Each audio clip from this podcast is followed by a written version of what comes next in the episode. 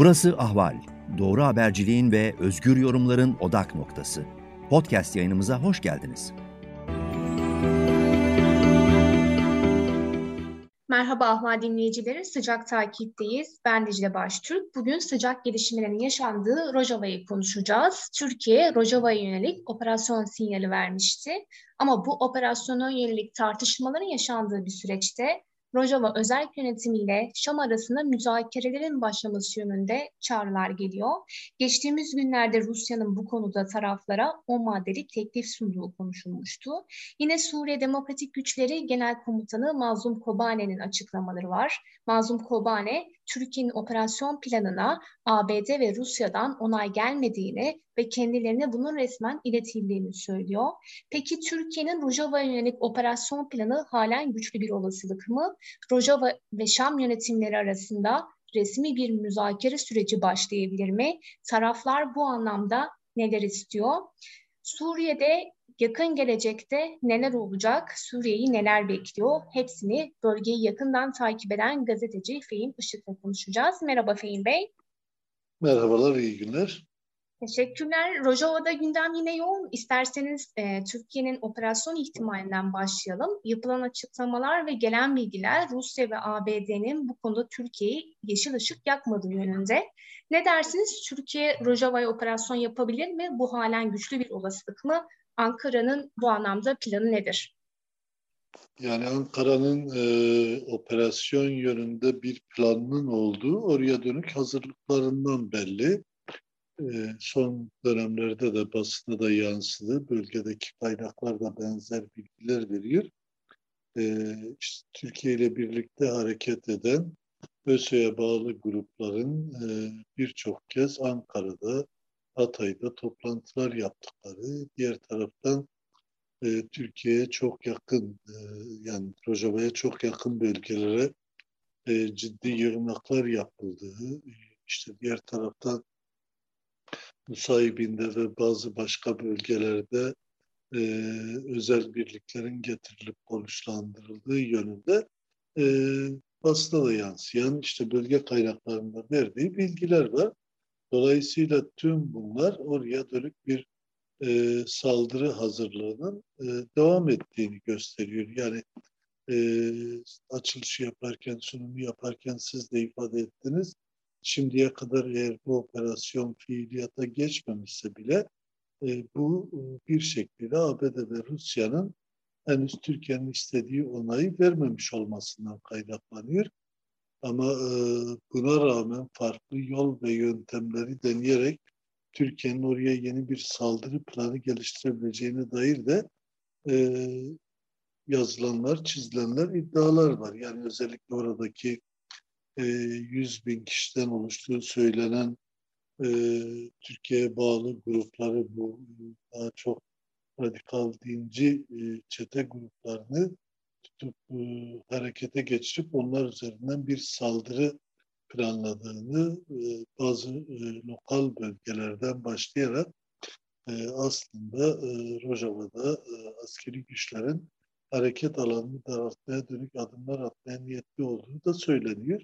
Ama dediğim gibi bu konuyla ilgili e, büyük bir saldırı planından öte oradaki e, çete gruplarını harekete geçirerek bir şeyler yapma niyetinde olduğu belli.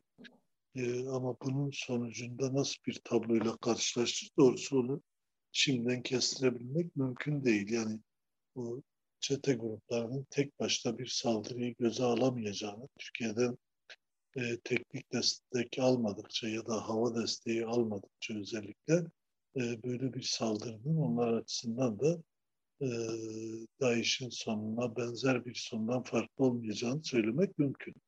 Hı hı.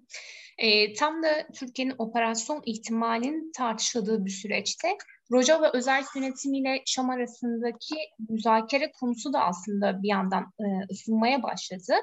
E, daha önce e, taraflar arasında görüşmelerin olduğunu biliyoruz ama bir ilerleme olmadığını biliyoruz.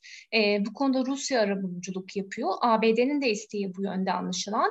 Şimdi e, özel yönetim yetkililerinden yapılan açıklamalar henüz herhangi bir diyaloğun başlamadığı ancak müzakerelere hazır oldukları yönünde.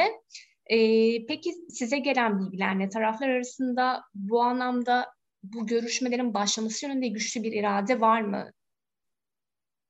Ya e, belki şunu belirtmekte yarar var. Yani esasen 2000 belki 11'den bu yana, 2011'den bu yana e, Suriye hükümeti ile e, Rojava'daki güçler arasında çeşitli düzeylerde ilişkiler oldu. O ilişkiler devam etti. Ama bunun e, temel nedenlerinden biri bazı bölgelerde çok iç içe olmak. Yani bir şekilde oradaki idari düzenlemeyi ilgilendiren adımlardı. Çünkü Rojava'da 2012'den sonra bir bütün olarak kontrolü e, Kürtler ele geçirince, yönetimi ele geçirince e, çok e, Suriye hükümetini karşıya alıp Suriye hükümetiyle savaş pozisyonu içine girebilecek bir e, konum geliştirmedi.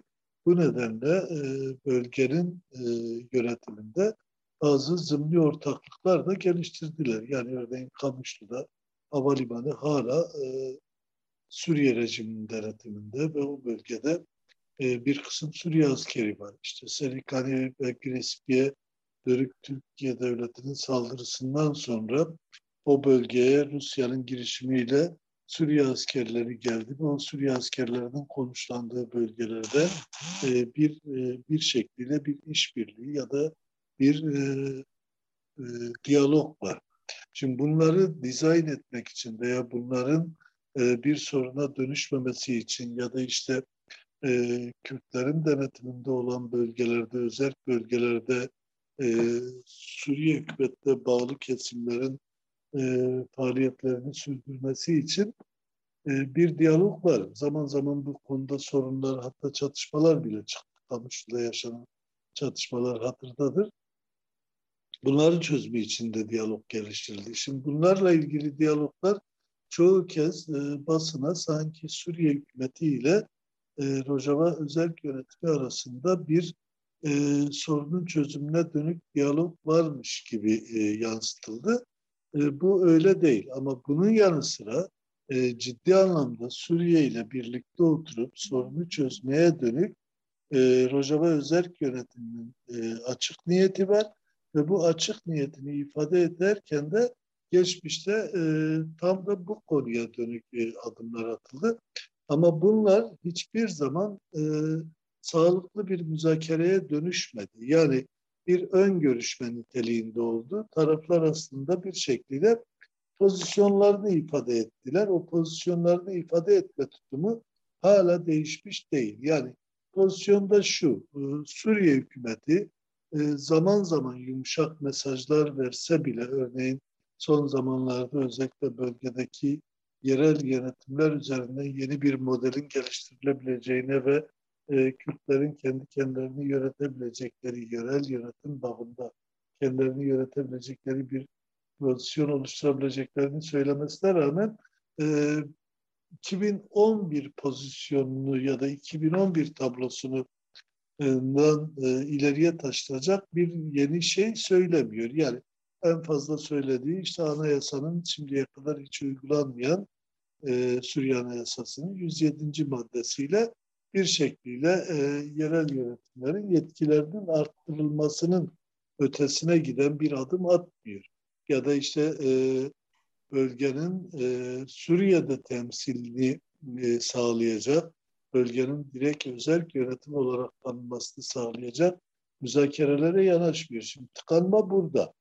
E, bu tıkanmada e, temel noktalardan biri şu, onu açıkça belirtmekte yarar var. Yani e, Suriye hükümeti esasen Rusya'nın oraya girmesinden sonra ayakta kalabildi. Yani e, Suriye hükümetini ya da Esad rejimini ayakta tutabilecek pozisyonlar yoktu. E, Rusya'ya dönük davetle birlikte orada kaldı ve Rusya uzun yıllardan sonra tekrar Orta Doğu'da bir aktör olarak öne çıktı. Orada dolayısıyla e, kendileri açısından çok ciddi e, çıkar e, alanları da oluşturdu, kontrol alanları da oluşturdu.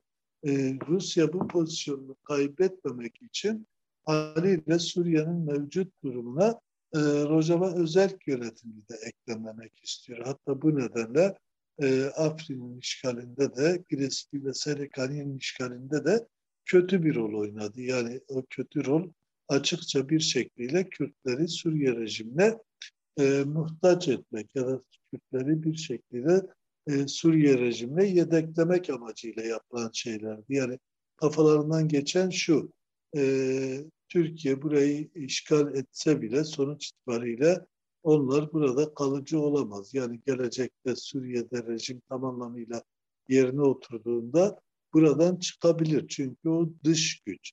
Ama e, Kürtlerin 2012'den sonra Rojava'da geliştirdiği tablo bir dış güç olayı değil. Yani sonuç itibariyle o bölgedeki e, farklı bir kimliğin, farklı bir yapının kendini özel, e, özgür ve demokratik bir şekilde yönetme talebidir. Ve bu e, Suriye e, e, rejiminin e, ileride yerine oturması durumunda bile birilerinin hadi bu tabloyu değiştir diyebileceği bir nokta değil. Ya da işte Türkiye çık diyebilirler ama e, Suriye demokratik güçlerine çık diyebilecek durumda değiller. E, ama onları da zor durumda bırakarak Suriye'ye mecbur etme e, girişimi içerisindeler. E, ABD'nin de pozisyonu var orada. Sonuç itibariyle ABD'de o bölgede e, ciddi çıkarları olan ve bölgenin kontrolünde kendi e, e, çıkarlarına uygun adımlar atan yaklaşımlar sergiliyor. E, bir de tabii hepsini aslında bir şekliyle e, ortak bir noktada buluşturan o bölgedeki DAEŞ gerçeğiydi. O DAEŞ gerçeği şimdi bir şekliyle e, cihatçı çeteci gruplarla hala devam ediyor. Ayrıca DAEŞ'in kendisi de henüz tam anlamıyla tehdit olmaktan çıkmış değil. Şimdi bu dengeler içerisinde Suriye ile e, müzakerede esasen e, Kürt tarafının ya da Rojava özel yönetiminin kendi tutumunu ve pozisyonunu belirlemekten öte e, söyleyebileceği bir şey yok. Dedikleri şey çok açık. Biz e, sorunun başka yerlerde çözülebileceğine inanmıyoruz. Biz sorunun çözümü için e, Suriye'nin genelini ilgilendiren e, konu başlıkları etrafında kendi özelliğimizi de içine katarak hem Suriye'nin demokratikleşmesi, yeni ve özgür bir nizam kurulması, yeni bir anayasayla özel bölgelerin tanınıp bunun üzerinde gelişmesini arzu ediyoruz diyorlar. E, Suriye rejimi buna karşı çıkıyor. Yani Suriye rejimi oradaki özelliği e, ikili yönetim olarak adlandırıyor. Son e, kısmı yani bir müzakere olmamasına rağmen e, bir şekliyle giden gelen bilgilerden anladığımız Suriye ayrı bir ordu, ayrı bir yönetim olmaz yaklaşımından vazgeçmiş değil. Yani e, bununla ilgili de e, Rojava Özerk yönetiminden yetkililerin söylediği açık. Ayrı bir ordu ya da ayrı bir yönetim e, başlarından öte biz e, bir müzakere sürecinin başlamasını istiyoruz.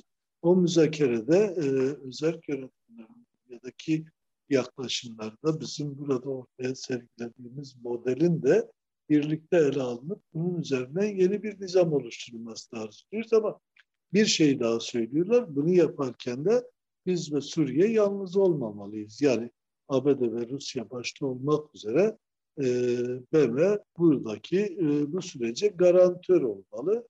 Ama e, orada Türkiye'nin pozisyonu e, tam farklı bir yerde duruyor. E, Türkiye esasen oradaki güçleri itibariyle e, bu süreci engellemeye dönük bir çaba içerisinde e, Suriye rejimine karşı e, orada e, beslediği gruplarla birlikte hem İdlib üzerinden hem diğer işgal alanlarından e, kendini dayatıyor. Bu nedenle işte Cenevre'yi de e, bir şekilde e, bozdu. Cenevre'de ilerleme sağlanmamasının temel nedenlerinden biri Türkiye. E, ona karşı e, Rusya ve İran'la birlikte geliştirdiği Astara ve Soçi süreçleri de sonuç itibariyle e, istenen noktaya gitmedi ve bu çözümsüzlük e, bir şekilde orada e, Türkiye'nin de hesabına geliyor. Kendi arzuladığı bir tablo. Şimdi tüm bu dengeler içerisinde e, orada kısa sürede yeni bir adım atılır mı, yeni bir çözüm e, geliştirilir mi?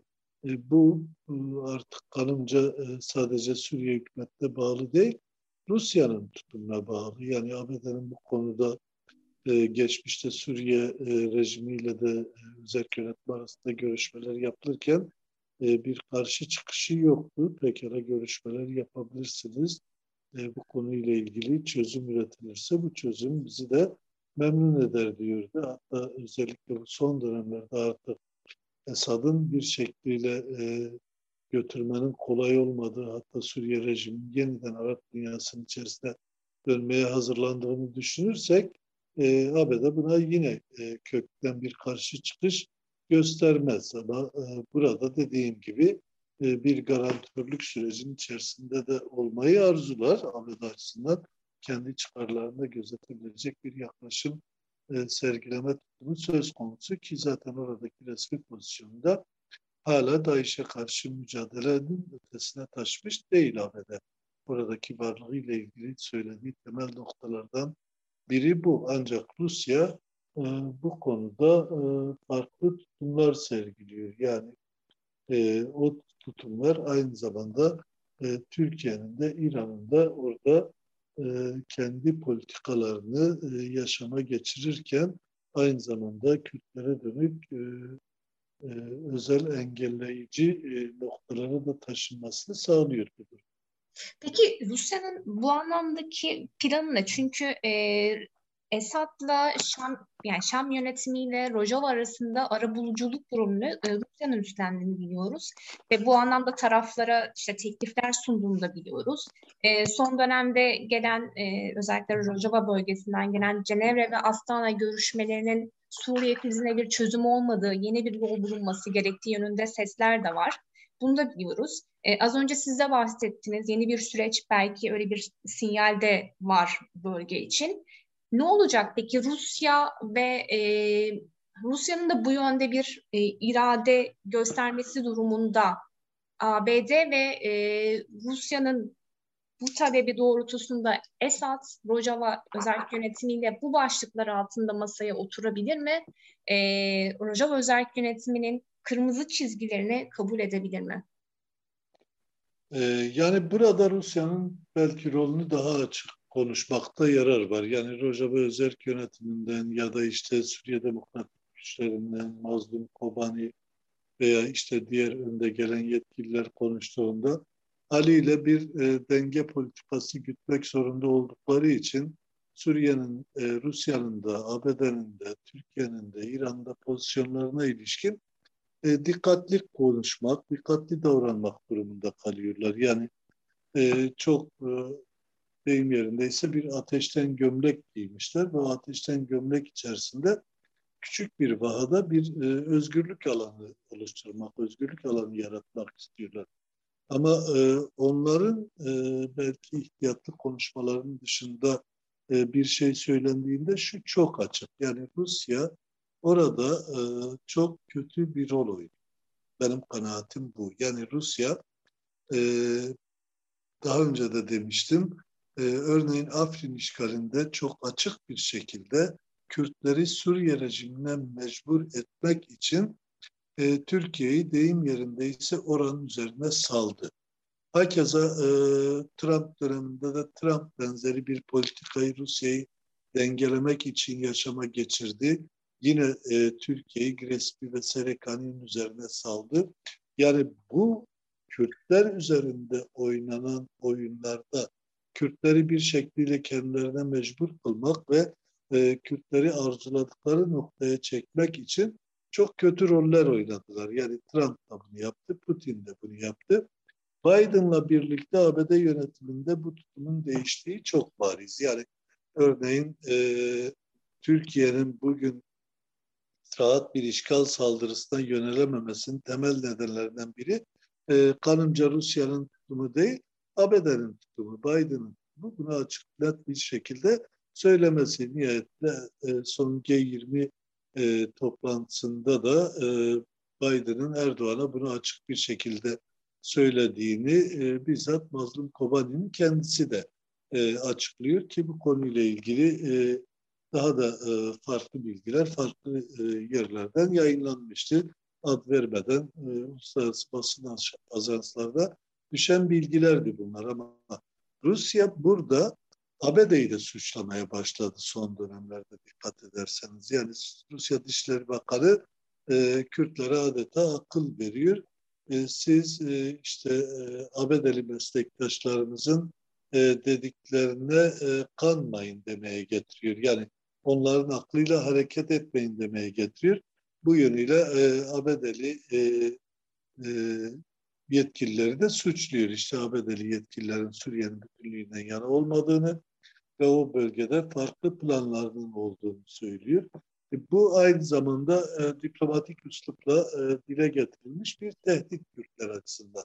Yani şimdi bu tablo üzerinden baktığımızda yarınki gün Türkiye'nin bu hazırlıkları üzerinden yeni bir saldırı başlatmasında da e, pekala yeşil ışık yakabilirler. Şimdiye kadar yeşil ışık yakmamışsa Rusya bu bir şekliyle ABD'nin oradaki tutumu nedeniyledir. Putin dönem, e, Trump dönemindeki o rahatlığı yaşayamıyorlar. Yani Rusya'nın burada oynadığı e, rolü evet oradaki yöneticiler çok açık bir şekilde e, üzerlerine giydikleri ateşten gömlek nedeniyle söyleyemeyebilirler. Ama benim kanım o ki e, Rusya o kötü rolü hala oynamaya devam ediyor. E, Suriye rejimini ayakta tutan o. Esasen Suriye rejimine de bu diyaloglar konusunda akıl veren de o. Yani daha geçmişte Suriye rejimi e, çıtayı çok yüksekte tutarken o çıtayı biraz daha düşür, aşağıya çek e, ve e, diyalog başlasın bir şekliyle Rojava özel yönetimiyle diyen yine Rusya'ydı. Yani onların telkinlerinden sonra özellikle Lavrov'un konuyla ilgili açıklamalarından sonra Esad e, biz yerel yönetimlerin güçlendirilmesi konusunda e, anayasanın 107. maddesini uygulayabiliriz diyerek e, bir esnek tablo çizmeye kalktı. Evet bu tabloyu da aslında e, Rojava Özel Yönetimi olumlu değerlendirdi. Çünkü e, diyalog ve müzakere bir yerden başlamalı. Çünkü geç kalınan her an burada çok ciddi sorunları da beraberinde getiriyor. Yani ama bunları yaparken bile Suriye rejimi kendi aklıyla hareket etmedi. Kendi aklıyla hareket edebilecek durumda da değil. Onu yönlendiren e, Rusya ve Rusya yarınki gün orada Türkiye'nin de e, pozisyonunu dikkate alarak e, Suriye ile Türkiye arasında yeni yakınlaşmalar sağlamaya dönük adımlar atarak ki bunun e, olduğunu e, daha önce e, duyduk. E, bu konuyla ilgili Rusya'nın çabaların olduğu da bilinir. E, orada yeni aksiyonlara girebilir. Yani Rusya e, kanımca çok e, iyi bir rol oynamıyor. Yani bu ABD'nin orada çok mükemmel davrandığı anlamına gelmiyor.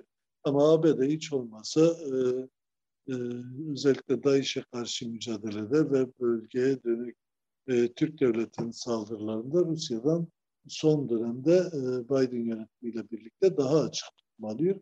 Rusya o konuda uğurs, uğursuzluğunu sürdürüyor. E, bir diğer durumda Cenevre ve Astana, Cenevre ve Astana esasen çöktü. Bitti. Yani başından çöken bir yaklaşımdı. Yani siz oranın en temel güçlerinden birini yok sayacaksınız. Onun üzerinden bir siyasi çözüm üreteceksiniz. Bir anayasa yazmaya kalkıp o anayasada e, bölgenin en dinamik gücünü, DAEŞ'e karşı en etkin mücadele veren gücü yok sayacaksınız. Onun üzerinden çözüm üreteceksiniz. Bu mümkün değil ki zaten orada esasen Türkiye ile Suriye oturuyordu. E, kısmen de İran işin içerisindeydi. Ama onların gitmeyeceği belliydi. Şimdi yeni süreç nasıl gelişir? Artık önümüzdeki döneme ilişkin belki e, daha çok bu konuşulacak ama Rojava özel yönetimin tutumu belli. Hatta bir bütün olarak Kuzey ve Doğu Suriye yönetiminin e, tutumu belli. Yani Rojava özel yönetimi derken ağırlıkla Kürtlerin e, varlığından e, söz etmek istiyorum ama Kuzey ve Doğu Suriye dediğimizde e, Deir gibi, Rakka gibi, Tapka gibi Arapların da yaşadığı ve bugün artık e, Suriye Demokratik güçlerinin kontrolünde olan bölgeler var. Onlar da müzakerenin içerisine çekilmeli. Yani müzakere sadece Kürtlerle Suriye rejimi arasında değil. Müzakere aynı zamanda Şam hükümetine muhalif e, Arap toplumu ile e, Şam hükümeti arasında da sürmeli. Çünkü Kuzeydoğu Suriye'nin tamamı Kürt değil. O bölgelerdeki özellik talebi de sadece Kürtlerden kaynaklanan bir e, durum değil. Yani böylesi de e, yeni ve e, geniş, gelişkin bir durum var. Ancak burada e, özellikle Türkiye'nin tutumu, Türkiye'nin orada yeni bir nefes alanı oluşturmak istemesine karşı çıkması ve e, bu nedenle Kürtlere dönük düşmanca bir politikaya yönelmesi birçok şeyi e, olumsuz etkiliyor. Yani e, Güney Kürdistan'da yaşanan tablo da bundan bağımsız değil. E, Türkiye'de Kürt sorunun çözümüne dönük belirtilen yaklaşımlar da bundan bağımsız değil. E, Türkiye'nin buradaki pozisyonu da hep negatif. Peki son olarak şu konuyu e, konuşmadan e, kapatmak istemiyorum. Mazlum Kobani'nin Suriye Demokratik Güçleri Genel Komutanı Mazlum Kobani'nin görevden alındığı iddiaları ortaya çıkmıştı. E, dün Amber'in zaman gazeteci Amber'in zamana verdiği röportajda e, bu iddiaların doğru olmadığını ve görevinin başında olduğunu açıkladı e, Mazlum Kobani. Ben şunu sormak istiyorum. Neden Mazlum Kobani ilişkin bu tür iddialar, spekülasyonlar ortaya çıktı? Bu konuda ne dersiniz acaba? Yani Mazlum Kobani aslında e, iddiaları ciddiye almadıklarını da söyledi aynı röportajda. Kısa süre içerisinde e, Suriye Demokratik Güçleri Askeri Konseyi'nin konuyla ilgili bir açıklama yapacağını söyledi. Evet. Ama ben şunu da e, tahmin ediyorum. Yani Mazlum Kobani e, daha birkaç ay önce e, esasen bölgedeki e, siyasi çalışmalar içerisinde yer alıp siyasi bir aktör olarak e, rolünü yerine getirmek istediğini söylemişti. Yani bizzat Mazlum Kobani'nin kendi ağzından bir röportajda e, dile getirdiği sözler bunlar. Yani e, orada işleyiş e, tartışılırken, konuşulurken e, hiç kuşku yok. E, insanlar e, yer değiştirebilir, biri bir başka alana geçebilir. Salih Müslim e, Türkiye ile görüşmeleri yürüten e, en önemli aktörlerden biriydi. PYD eş başkanıydı. Asiye Abdullah'la birlikte özellikle kritik dönemlerde çok ciddi e, görev ve sorumlulukları yerine getirdiler. PYD adına e, çokça görüşmelere dahil oldular. E, hakeza hemen e, ardından PYD kongresinde bu değişti. Salih Müslim şimdi PYD eş başkanlık divanı üyesi. Yani böylesi bir değişim yaşanırsa yarınki gün askeri alanda bir başka değişim de yaşanırsa bunu tutup sadece komplolar üzerinden görmek, e, bununla bağlantılı komplo senaryoları üretmek de biraz da aslında o bölgeyi zayıflatmak ve özellikle de sanki o bölgeyi kontrol ve koordine eden bu tür düzenlemeleri yapanlar PKK'miş gibi gösterme amacını taşıyor. Yani bunlar da Türkiye kaynaklı yaklaşımlar. Ee, evet o bölgede e, Abdullah Öcalan'ın e, çok ciddi bir e, siyasal etkisi var. Yani o bölgedeki insanlar esasen kendilerini Öcalan'ın felsefesinden bağımsız tutmuyorlar. Yani o felsefenin bir parçası olduğunu söylüyorlar.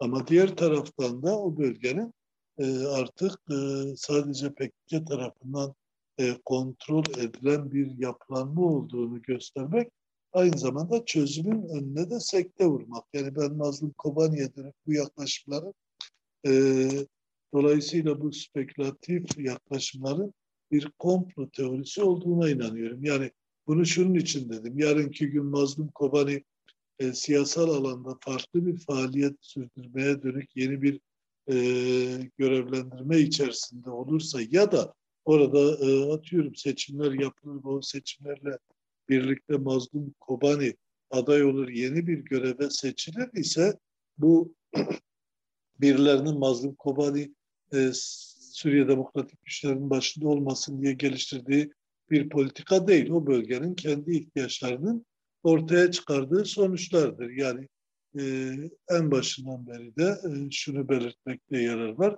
O bölgede şu anda e, en üst düzeyde diplomatik ilişkileri e, sürdüren yapılanma Suriye Demokratik Meclisi'dir. Yani Suriye Demokratik Meclisi aynı zamanda Suriye Demokratik Güçleri dediğimiz askeri yapılanmanın bağlı olduğu e, birimdir ya yönetim e, mekanizmasıdır. Onun başında da e, işte İlham Ahmet de var. E, yine e, başkaları da var ve bu konuyla ilgili çok ciddi görüşmeler de yapıyorlar. Yani bu tamamen doğal ama sanırım herhalde birileri komplo teorileriyle kendi tezlerinin haklılığını kanıtlamaya dönük adım atıyorlar. Şu da çok net yani o bölgede Suriye'de muhtaç güçleri içerisinde yer alan çok sayıda askeri e, görevlinin geçmişinde PKK'de var bunu zaten. Onlar kendileri de reddetmiyor. Yani e, hakeza e, Kürt olmanın getirdiği bir sorumlulukla Kürt ulusal birliğine dönük yaklaşımlar sergilerken e, ya da bununla ilgili adımlar atarken e, kendi tezleri e, PKK'ye yakın da olabilir. Ama bu e, bir bütün olarak o bölgeyi Pekke'nin düzenlediği ya da Pekke üzerinden böyle bir yaklaşım geliştirildiği e, şeklinde algılanmamalı inancındayım ben. Yani Mazlum Kobani de e, belki bu açıklıkla söylemiyor ama orada e, görev hiç kimse için kalıcı değil. Çünkü bu 10 yılda çok sayıda değişim oldu orada. Yani görev yerlerinde değişimler oldu. İnsanlar farklı farklı alanlarda çalışmaya başladı yurt dışındaki temsilciliklerinde değişimler oldu. Çok sayıda yönetici yurt dışından oraya gitti. Oradan yurt dışına gelenler oldu. Diplomatik alanda yürütülen faaliyetlerde değişimler oldu. En nihayetinde dinamik bir bölge ve kendi seçimlerinde de kendi içlerinde e, en demokratik biçimiyle yapıyorlar. Yani bir e, bağımlılık ilişkisi içerisinde atanma durumu söz konusu değil. Peki çok teşekkür ederim değerli yorumlarınız için. Ben teşekkür ederim. Sağ olun.